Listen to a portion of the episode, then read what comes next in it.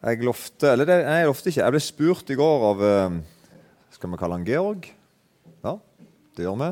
Om jeg kunne si litt om logos. Logos er, er jo, logos er jo et kjent uh, begrep som er brukt av mange kristne. Det betyr jo ordet.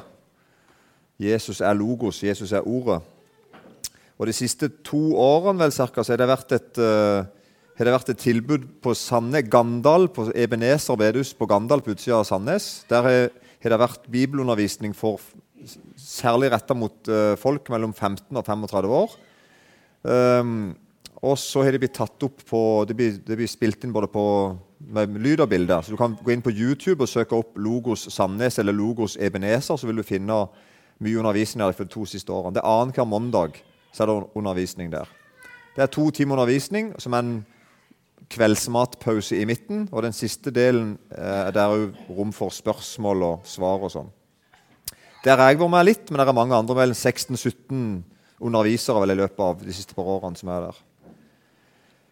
Så jeg har med noen sånne Logospodden, lett å huske. Hvis du søker opp det på en eller annen podkast eller Soundcloud, eller sånn, så finner du ganske mye der. Eh, og så har vi starta Logos i Flekkefjord. Men bare, der må du være live. Der blir det ikke sendt noen sendinger. da. Jeg tror det har skjedd ganske mye med de som går der. Det er iallfall min erfaring når jeg har vært med både hørt på og talt sjøl og samtalt med, med, unge folk. I Sandnes kan det være opp igjen en ja, 190-200 kanskje å høre på en mandagskveld. Uh, og allikevel, selv om det er mange, så opplever jeg at vi får kontakt med hverandre og samtaler. og, og sånn. Så det er bra. Var det greit? Eh, ja. Takk for det du ikke ga eh, i kollekt. Kjære Jesus, be om at du må være her fortsatt med din ånd. Takk for det vi har hørt. Og jeg ber at du må velsigne det som eh, ble gitt til ditt rike. Amen. Se på ham er overskriften for i kveld. Ganske kjent. Uh, sett ganske kjent. Jeg bare ser om det, er, om det, er, om det står en plass på veggen her. For det, på mange bedehus henger det på en vegg, brodert. eller... Men det gjorde det ikke her. Det var ikke noe kritikk, altså. Helt greit. Men uh, det er ganske kjent, et av de mest kjente begrepene, vel, sånn korte setningene med mange flere bilder i hodet av hvor det er. Da leser vi der som det står i Johannes kapittel 1 og vers 29-34. Johannes 1, 29. Dagen etter ser han Jesus komme til seg, og han, hannen her er jo døperen Johannes. Dagen etter ser han Jesus komme til seg og sier, 'Se der, Guds lam, som bærer bort verdens synd.' Det var om han jeg sa, 'Etter meg kommer en mann som har kommet foran meg', fordi han var før meg. Og jeg kjente ham ikke men for at han skulle åpenbares for Israel. Derfor er jeg kommet og døper med vann. Johannes vitnet og sa, 'Jeg har sett Ånden komme ned som en due fra himmelen', og han ble over ham. Men han som sendte meg for å døpe med vann, han sa til meg, 'Ham du ser Ånden komme ned og bli over, han er den som døper med Den hellige ånd.' Og jeg har sett det, og jeg har vitnet at han er Guds sønn. Sånne sånne ord som 'se på han' og 'se der Guds lam', som liksom ja, ofte henger på veggene rundt forbi, og som vi synger sanger om osv., det kan fort bare ende opp med å bli en slags klisjé. Altså Noe vi har nesten glemt. Hvor, hvor kommer dette ifra? Og det som vi var inne på i, For de som var på møte i går, så hadde vi annet, og jeg håpte iallfall først og fremst egentlig om en fare som religiøsitet blir det at liksom vi har ordene i behold, vi sier de riktige tingene, vi har de riktige meningene. altså Ting ser greit ut. Og i, i en sånn situasjon der vi er i ferd med å bli religiøse Og jeg har skrevet her tre- og fjerdegenerasjons kristne. Det jeg mener med det, er at min farfar som, han, er, han, er, han er jeg aldri sett, da. Men min farfar, når han var 20 år, så ble han radikalt omvendt. Ble kristen. Og når han da skulle finne en plass å gå øh, og høre på Guds ord, så var ikke bedehus oppfunnet ennå i Eiken. Da fantes ikke bedehus. Det er egentlig ikke så lenge siden. Og Han opplevde det som at hele gårder ble radikalt forandra. Hele familier ble forandra. De slutta å gjøre forskjellige ting og begynte å gjøre forskjellige andre ting. og Det gikk med som sånn, var veldig snakk i bygda om at nå er han blitt kristen, og nå er hun blitt kristen, og nå er de blitt kristne. og Det var en sånn radikal forandring av hele miljøet. Og bygda mi visstnok ble helt forandra. Den bygda jeg kom ifra, Uh, hvis du leser historie om Eiken Ikke gjør det, egentlig, for det er ganske trist lesning. vi, er, vi, vi, var, og til dels kanskje er ennå, litt sånn Sniven satt løst i slira, står det der. For eksempel. Kniven satt løst i, i slira. Så hvis vi, hvis vi, ble litt sinte, så brukte vi kniven. Vi var ganske bråkete og brumlete. Vi drakk mye. Og så gikk vi, var veldig flinke til å gå i kirka, så vi kunne katekismer på rams. Så når de der første lekpredikantene kom og skulle liksom fortelle Eikdøla hvordan de skulle omvende seg til Gud, så fikk de hørt det. Fordi at de kunne hele remsa. Men så begynte altså folk å, å møte Gud og ble forandra. Og så ble far min født. da. Og han hadde, han hadde, en kristen far og en kristen mor og kristne søsken og gikk på bedehuset. Faren min opplevde òg noen sånne store vekkelser. for Han er født i 1931, så det er ganske lenge siden. Så han husker noen store vekkelser der han opplever at folk ble forandra. Og så ble jeg da født i 1973. Så ble jeg født. Og jeg har en far som er kristen, en mor som er kristen, og en bestefar som er kristen, og bestemor som er kristen. er det med? Og For meg så blir mange av de tingene de snakker om, bare ord. egentlig. Eller ting jeg har lest om i en bok, eller ting jeg ser skje i Etiopia. eller, Skjønner du? Og Det er liksom det jeg mener med det. Og Da kan vi ende opp med at vi bruker de samme ordene for det. ikke sant? Vi, vi snakker likt. Men, men, det er på en måte nærmest tomt for referanser for oss. Og så blir det da det som vi kaller for en klisjé. Det blir en klisjé. Og jeg har skrevet at Klisjeer er en av hovedveiene inn i religiøsitet og tom kristendom. Liksom at vi har, vi har ordene i behold. Det, det, lyder bra. Det låter bra. Jeg, hvis du slår opp i Store norske leksikon, så vil du finne ut av at klisjé det er blant annet da, en uttrykksmåte som gjennom overbruk har tapt sitt selvstendige innhold. Særlig første setningen der. Altså det, vi har brukt ordet så mye at vi, har nesten glemt hva det betyr.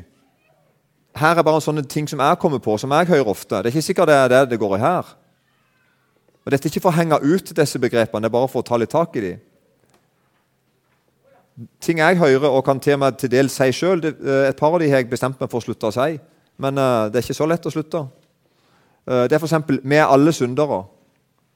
Det sier vi, det, det, opplever jeg at vi på en måte slenger rundt oss. på en måte. Og Nå mener jeg at ja, er ikke det sant? Jo, det er sant. Men det er ofte sånn når noen sier de er syndere, hvis du spør dem om det er noe spesielt de vil trekke fram, eh, noen spesielle synder de vil trekke fram, så merker du ofte at det var det ikke. Det var ment som en sånn en frase. Vi er alle syndere. Er det ikke meg hva jeg mener? Så bare slenger vi det ut sånn. Eller vi har det for godt. Det er visstnok mange som har det for godt. Veldig rart at de allikevel neste år rigger seg til på samme måten. Har det for godt neste år òg. Så det er litt sånn bare en, en, en ting å si. Jeg vet, jeg vet, ikke hva det betyr engang. Vi har det for godt. Og vi håper vi får det bedre neste år. Eller Jeg leser ikke nok i Bibelen. Leser, jeg, jeg, jeg leser nok ikke nok i Bibelen. Eh, ofte så spør jeg folk da hvor, hvor mye er nok. Bare sånn at vi er enige om hvor tid det er nok. Og det vet stort, Jeg har ikke møtt noen ennå som vet det. Og Allerede der ser du at det, over, det er noe håpløst over å si det. Jeg leser ikke nok i Bibelen, og jeg tror aldri jeg kommer til å gjøre det heller. Så jeg, jeg, jeg, går i dag og leser ikke nok i Bibelen. Jeg legger meg i kveld og vet at i morgen skal jeg stå opp og heller ikke lese nok i Bibelen. Er du med? Det blir bare som en slags håpløshet. Farlig, egentlig. Men det høres ufattelig kristelig ut der og da når du sier det.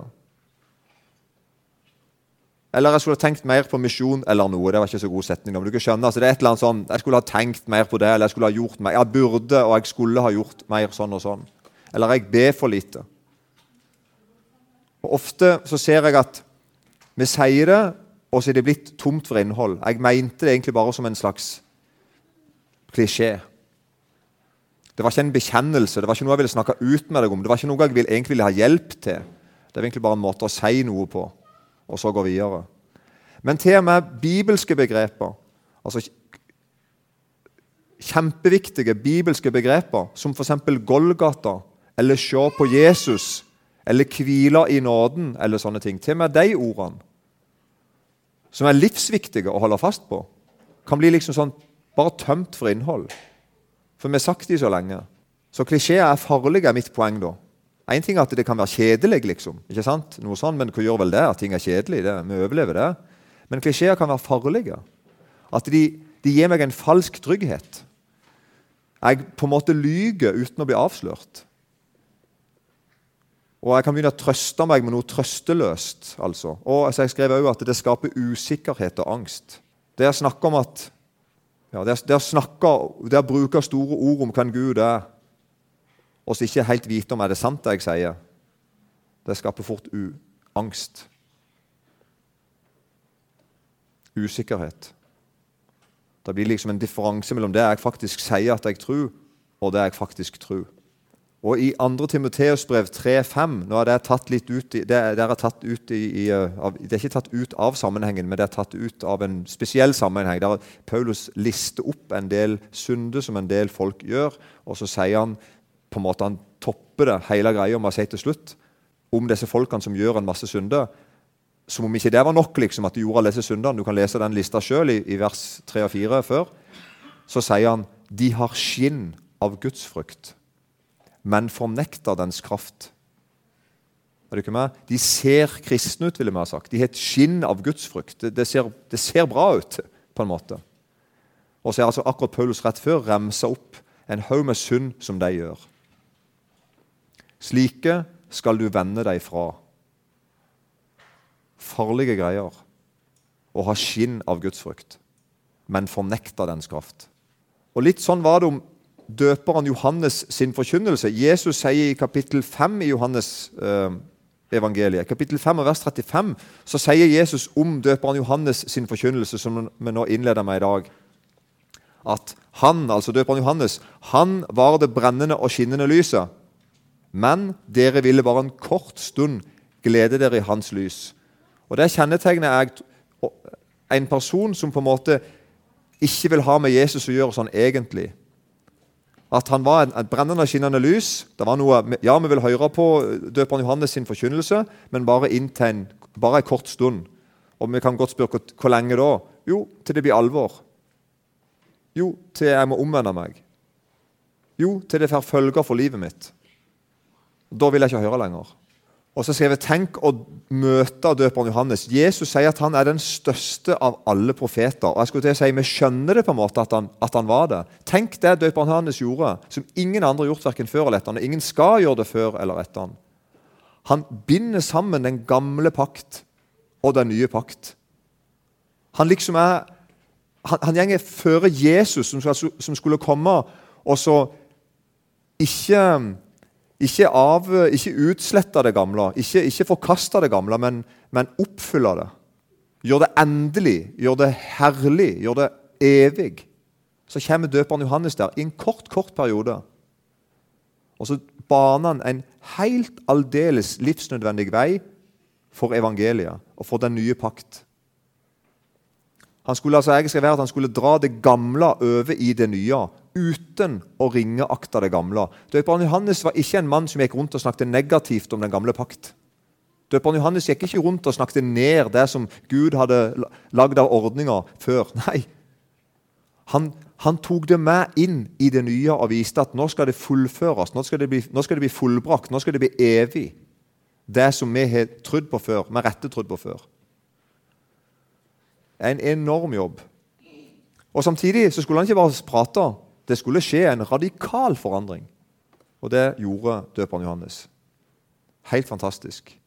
Og Likevel så, så er det sånn at han står og ser Jesus komme til seg, og så sier han 'Se der Guds lam, som bærer bort verdens synd'. Og så sier han en stilig setning. Det var om han jeg sa 'Etter meg kom en mann som har kommet foran meg fordi han var før meg'. Det er egentlig godt sagt. Og Det, det døperen Johannes sier der, er Jesus er Gud. Og så sier han 'Og jeg kjente ham ikke'. Og det er jo rart, for det gjorde han jo, vil vi si. Johannes var jo i slekt med Jesus. Og Mor til Johannes, Elisabeth og mor til Jesus Maria de var gravide samtidig, iallfall i tre måneder samtidig. Døperen Johannes var vel tre, seks måneder eldre. Og faktisk var det sånn at når, når, Maria, som var gravid med Jesus, kom inn i huset til Elisabeth, som var gravid med Johannes, så reagerte Johannes i magen på mor si når Jesus kom inn. når Maria kom inn med Jesusbarnet. Så vil si at Hvis det, er noen som døperen hvis det var noen som kjente Jesus, så var det vel Johannes. Klart han visste hvem Jesus var. Så sier han nei, det var noe han ikke visste om han. Jeg kjente ham ikke. Han sier det til meg to ganger. En gang til. Jeg har sett Ånden komme ned som en due fra himmelen, og han ble over ham. Jeg kjente ham ikke. Rart. Han var så nærme Jesus, visste om hele slekta hans. Hadde kjent han siden han ble født, hadde kjent han i 30 år. Godt 30 år. Og så sier han nå jeg kjente han ikke. Det var noe med Jesus jeg ikke visste hva var. Og så tenker jeg da, Når døperen Johannes sto der på ei, Jeg ser for meg det er litt sånn slett og litt sånn øde, og der er en, ei elv der, og, for han døypte der. og sånn, og Så ser han Jesus på avstand, og så peker han bort på Jesus og sier han, se der Guds lam. Og så tenker Jeg jeg vet ikke hvor, bildet hadde vi fengt i hodet av det. Og så tenker jeg litt nå, nå skal jeg ta tre-fire bukker og tre-fire lam for, dere i kveld. For dette, dette er helt utrolig. Det er en Gud som du tror på. Det er en Gud som du hører til. Han er faktisk Abrahams og Isaks og Jakobs Gud.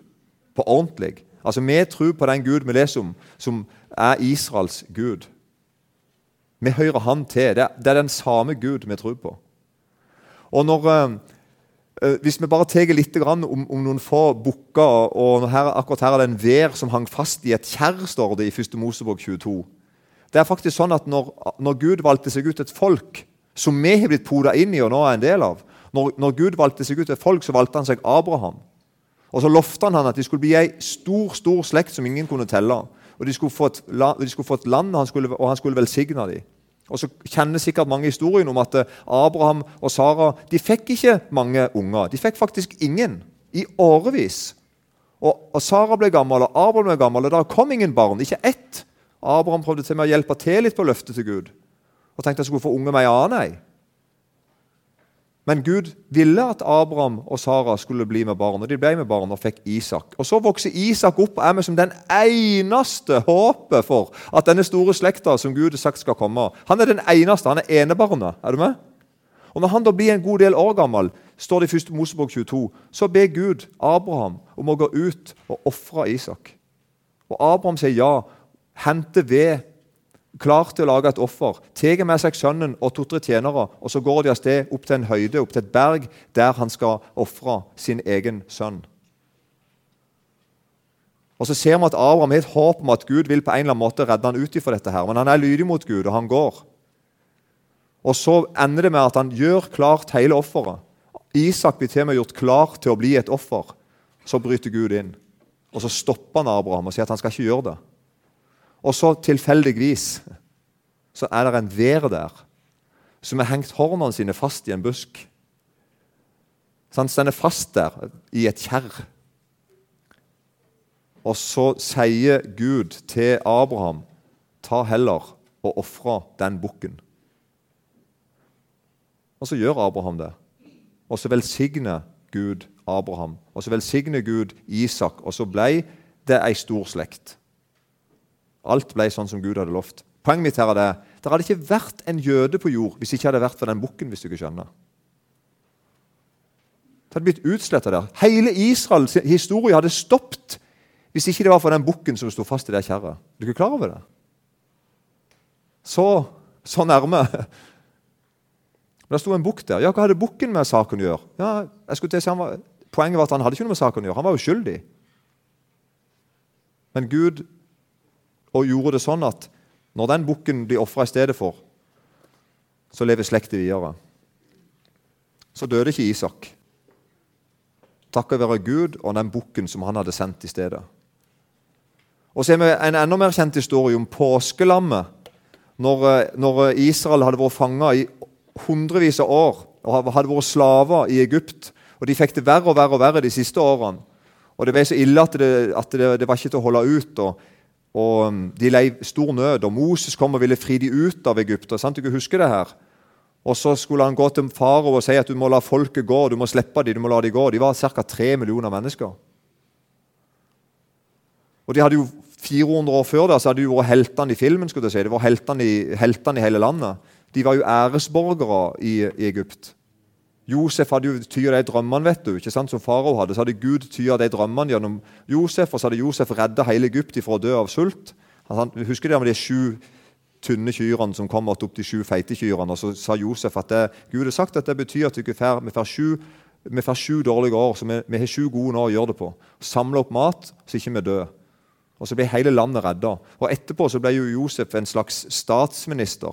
Og, og Farao sa til hele folk, hele slekta de, de var jo 70 stykk, tror jeg, pluss en haug med biler og traktorer. skulle jeg si. De, de måtte kom, ta med hele, ta med hele slekta de over og velge en plass å bo. Og så flytta de til Gosen, en fin plass, den beste plassen i Egypt. Og Der bodde liksom Josef og etterkommerne hans sine, som på en måte en slags æresborgere. Det var de folkene der som redda dere.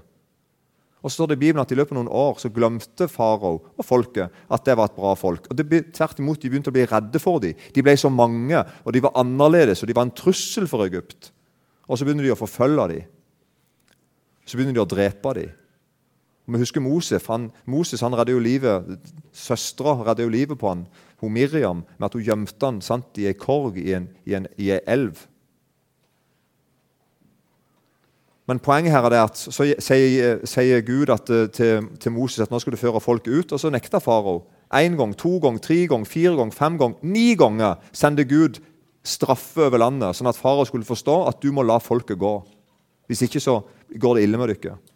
Og så kom den tiende, da, der Gud sa det at i, i natt skal en engel gå forbi alle hus, og alle de førstefødte i hvert hus skal dø. Hvis ikke du tar et lam og slakter det, og lager en spesiell en måte kveld, mål, middagsmåltid av det, og eter det sammen med usyra brød. Eter kjøttet. Og så tar dere blodet, litt av blodet, som når dere slakter lammet. Så går dere ut på utsida av døra og så stryker dere blod på høyre og venstre, sånn de der dørkarmene, og så på karmen over. Og så sa Gud, når jeg ser at blodet av det lammet på dørkarmene så skal jeg gå forbi den døra, og ingen skal dø der. Og så gjorde folk det. De fleste som hører det, vil jeg tro, gjorde det. Tenkte at vi gjør det. Vi gjør sånn som Gud sa. Vi går og finner et lam. Og vi tar og tilbereder mat av det. Og hvis det var sånn at en familie ikke klarte å spise det opp, så kunne de invitere naboen over. Så åt to familier opp et lam. Og så gikk dødsengelen forbi alle dører som hadde blodet på dørkarmene. Igjen et uskyldig lam. Her var det mange lam, da. Men et, et uskyldig lam redder Guds folk fordi at Gud har sagt det. Og Det var nok at de bare trodde at det var sant. De var ikke nødt til å ha en spesiell opplevelse av at det var sant, eller kjenne det så og så mye. eller sånn. Det var mer enn nok at de hører Gud sa vi kan ta et lam, slakte det, ete det og, og, smøre noe av blodet på dørstolpene, så skal han gå forbi. Så gjorde folk det. Og så fikk de erfart at det var sant. Et lam redda livet til de førstefødte. Eller Jesaja 53 om det slakt, slaktelammet. Men han ble såret for våre overtredelser, knust for våre misgjerninger. Straffen lå på ham for at vi skulle ha fred, og ved hans sår har vi fått legedom. Vi for alle vill som får. Vi vendte oss hver til sin vei. Men Herren lot den skyld som lå på oss alle, ramme ham. Han, altså Jesus, da, ble mishandlet, og han ble plaget, men han opplot ikke sin munn, lik et lam som føres bort for å slaktes, lik et får som tier når de klipper det. Han opplot ikke sin munn. Eller syndebukken i 3 Mosebok 16. Sant, det er Johannes 3, 16, og så er det 3 Mosebok 16. Og I 3 Mosebok 16 så står det om syndebukken om Aron som la begge hendene sine på den levende bukken sitt hode og bekjente over den alle Israels barn misgjerninger, alle deres overtredelser og alle deres synder. Han skal legge den på bukkens hode og sende den ut i ørkenen med en mann som står ferdig. Og bukken skal bære alle deres misgjerninger med seg ut i villmarken.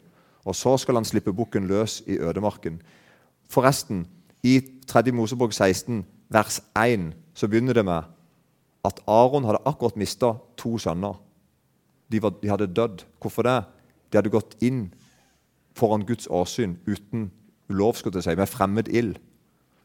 Og så sier Gud nå til faren deres at nå skal du gå inn der. Der som du opplevde at dine to sønner døde fordi de gikk inn. Nå skal du gå inn der, og det må jo være ganske tøft for henne av mange grunner. Hæ? Mista to sønner, det er én ting. Men det å vite at jeg skal gå inn samme plassen der de døde og Så sier han ja, men du skal, ha skal ofre et, et lam. Og så skal du ta med blodet av det lammet inn. og så skal du ikke dø. Så Aron står der altså med liv i neven. skulle jeg si. Forstand at Nå står og feller alt på at det Gud har sagt om det lammet, er sant. Hvis det ikke er sant, det Gud har sagt om det lammet, så dør jeg. Men han døde ikke. Og ikke bare det. Han gikk inn, og så ble det blodet som han hadde med inn i det aller helligste, det ble til en soning for alle folket sitt synder. Så folket sto på utsida og kunne se på en måte inn at nå går Aron inn. Nå går han inn. Og så vinner han på en måte frelse for oss i et år. Så hvert år måtte da ypperstepresten gjøre dette. Og så, skulle jeg si, og så virka det. De fikk tilgivelse. Det var sant. Og beviset var egentlig at Aron døde jo ikke. Han kom ut igjen. Så de så jo at nei, det var noe med det lammet. Det var noe med det, eller de lammene og de bukkene. Og så var det da én bukk som ble syndebukk. Og Den fikk altså skylda for alt det gale. Så vi ser her at Aron skulle, Det, det går jo ikke an, skulle jeg tenke meg, men Gud sa bare gjør det. Legg hendene på bukken og bekjenn syndene til hele folket ved bukken. Og så skal bukken ta med syndene ut. Og så står vi, Det var en mann der det, som står ferdig. Hva var det han mannen skulle gjøre? Jo, Han skulle passe på at den bukken kom seg ut av byen og kom seg ut i ødemarka og aldri kom tilbake igjen. Og Sånn er det med syndene dine òg, du som hører Jesus til. Du som tror på det lammet som døde på Golgata. De syndene skal aldri komme tilbake til deg. Skylda for dem. Skammen for dem. Det har Jesus tatt på seg. Og Det er en mann som følger meg ut. Han mannen forresten, når han kom tilbake igjen, og bukken ikke kom inn mer, så måtte han rense seg og vaske seg og sånn før å bli med i festen igjen etterpå. Så han ble med i festen. Så det er en del, og det er, det er nok denne syndebukken, tror du ikke det? At Johannes tenker på når han ser Jesus. Tror du ikke det? Han står der, og så ser han Jesus komme, og så sier han Se der Guds lam som bærer bort verdens synd. Jesus er din syndebukk. I stedet for at du fikk skylda, så fikk Jesus skylda. Og han, bær, han bærte henne bort. Så står det her at Han sier at han ikke kjente han. Det er vel som sagt veldig rart. Det var om han jeg sa. Men det går opp for Johannes nå. Når han døyper Jesus, så går det opp for Johannes at Jesus er faktisk Messias, Guds sønn. Jesus er Guds lam. Jesus er oppfyllelsen av alt det vi har trodd på i den gamle pakt. Alt det som har frelst oss i den gamle pakt. Alt det Gud har sagt av ordninger. Alle bukker og okser og ofringer. Alt på en måte blir oppfylt i denne ene mannen, Jesus Kristus. Han er alt det her. Så nå kjenner Johannes Jesus. Nå ser han hvem han er. Jeg har sett ånden komme ned som en due fra himmelen, og han blei over ham. Jeg kjente han ikke, men han som sendte meg for å døpe med vann, han sa til meg, han du ser ånden komme ned og bli over, han er den som døper meg Den hellige ånd. Og så sier han da, jeg har sett det. Og jeg er vitne at han er Guds sønn. Litt sånn predikantspørsmål. Har du sett det? Er det ikke meg? Har du sett det? Jeg har sett at han er han som dør for mine synder. Det skal frelse deg. Det skal frelse deg. Det frelser deg. Dette her står jo i Johannes kapittel 1, og bare i noen vers før så sier Johannes, altså apostelen Johannes, ikke døperen Johannes, men han, apostelen Johannes, han sier og ordet ble kjød, det er om Jesus, og tok bolig blant oss, og vi så hans, og vi så hans herlighet. En herlighet som den enbårne sønn har fra sin far, full av nåde og sannhet. Johannes har sett hans herlighet. Har du sett hans herlighet? I 2. Korinterbrev 5,17 så står det derfor om noen er Kristus, da er han en ny skapning, de gamle er forbi. Og så et stilig ord. Se, alt er blitt nytt. I dag fikk jeg en tekstmelding av en kamerat. Og så sa han det verset jeg aldri før sett på den måten og blitt sånn glad for. Og så var poenget hans det ordet 'se' som var sett inn. Han, var, han sa jeg er så glad det ikke sto 'føl', sa han. Så Han hadde sittet i bilen sin i dag og så hadde han hatt bruk for et, et vers, og så fikk han dette verset. Og så så han det var så godt det sto at Alt er blitt nytt, det gamle er forbi. Og så kunne han se på noe. er du med? Se vekk fra seg sjøl. Se på en annen en. Se, alt er blitt nytt. Se på Jesus. Får jeg lov å sitere Luther uh, bitte grann? Er det greit? Det er innafor? Ja. Uh, Luther sier sånn om det vi snakker om nå. Han sier dette om det om å se på Jesus. Så sier han det er to slags syn og hørsel og så sier han da en kan se og høre med de legemlige øynene og ørene, helt uavhengig av Den hellige ånds opplysning. Slik så alle jødene Kristus med sine naturlige øyne. De så at han var fra Nasaret, og at han var Marias sønn. På denne måten kan en ikke lære å kjenne Kristus og heller ikke hans troende, selv om en hele tiden så ham for øynene sine og hørte ham tale. Er ikke med på den? En ble ikke kristen av å ha Jesus til nabo. hvis du skjønner. Folk så han med øynene sine. De så hvem han var. Og Så sier Luther da at det er, det er to måter å se og høre på. Dette er den ene måten. Men det er også et åndelig syn som bare vi kristne har. Det skjer med hjertets tro. Ved det synet kan vi også, så sant vi er kristne, kjenne hverandre som hans disipler. Dersom du lære, å, dersom du vil lære Kristus å kjenne og forstå hvem han er, da må du ikke bare følge dine øyne og dine sanser. Du må se ham slik som hans ord stiller ham fram for oss. Født av jomfru Maria, død oppstanden for deg og satt til herre over alle ting. Da ser du ikke bare den skikkelsen som dine øyne ser. Du får kjenne makten og kraften av hans død oppstandelse. Og Det er det jeg har prøvd å sagt noen gang i kveld. Ikke sant? At Vi sier hvem er Jesus? Jo, han er lammet. Han er Guds lam. Han er Guds lam som bærer bort verdens synd. Han er soner for lammet. Han er frelseren din. Han er Messias. Han er levende. Han er mer enn det vi kan forske på og si at Jesus er levd, og det er helt sikkert at han fins. Sånn. Ja, men han er mer enn det. Han er dette her. Og Da blir han ikke sønn av Josef og Maria fra Nasaret, slik som jødene mente han var. Han blir vår egen frelser og herre over alle ting. Ved sin vandring gjennom lidelse og død inn i den annen verden utfører han sitt frelsesverk. Han står opp fra de døde og blir herliggjort, slik at alt det som er i himmelen og på jorda, er lagt under ham. Med stor makt hersker han hos alle som tror på ham, og strider mot alt som står dem imot. Jesus er frelseren din. Ser du han? Ser du at han er det? Dette er å se Kristus på en helt annen måte enn hele verden ser ham. For nå er øynene blitt åpnet til troen, og en har lært å kjenne ham på en helt ny måte. Så klisjé å se på Jesus. For en stund siden så drev jeg og forberedte meg. Jeg skulle, jeg skulle ha en andakt om 'se på Guds lam'.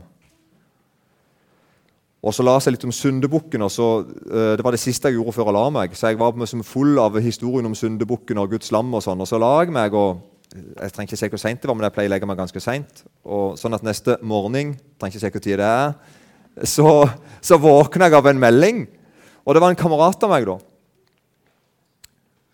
Jeg skal bare si en ting først, forresten. Nei, vi skal ta det nå. Det var en kamerat av meg som sendte en melding, og så sa han Nå må du hjelpe meg, for nå er jeg i fristelse for å falle i synd.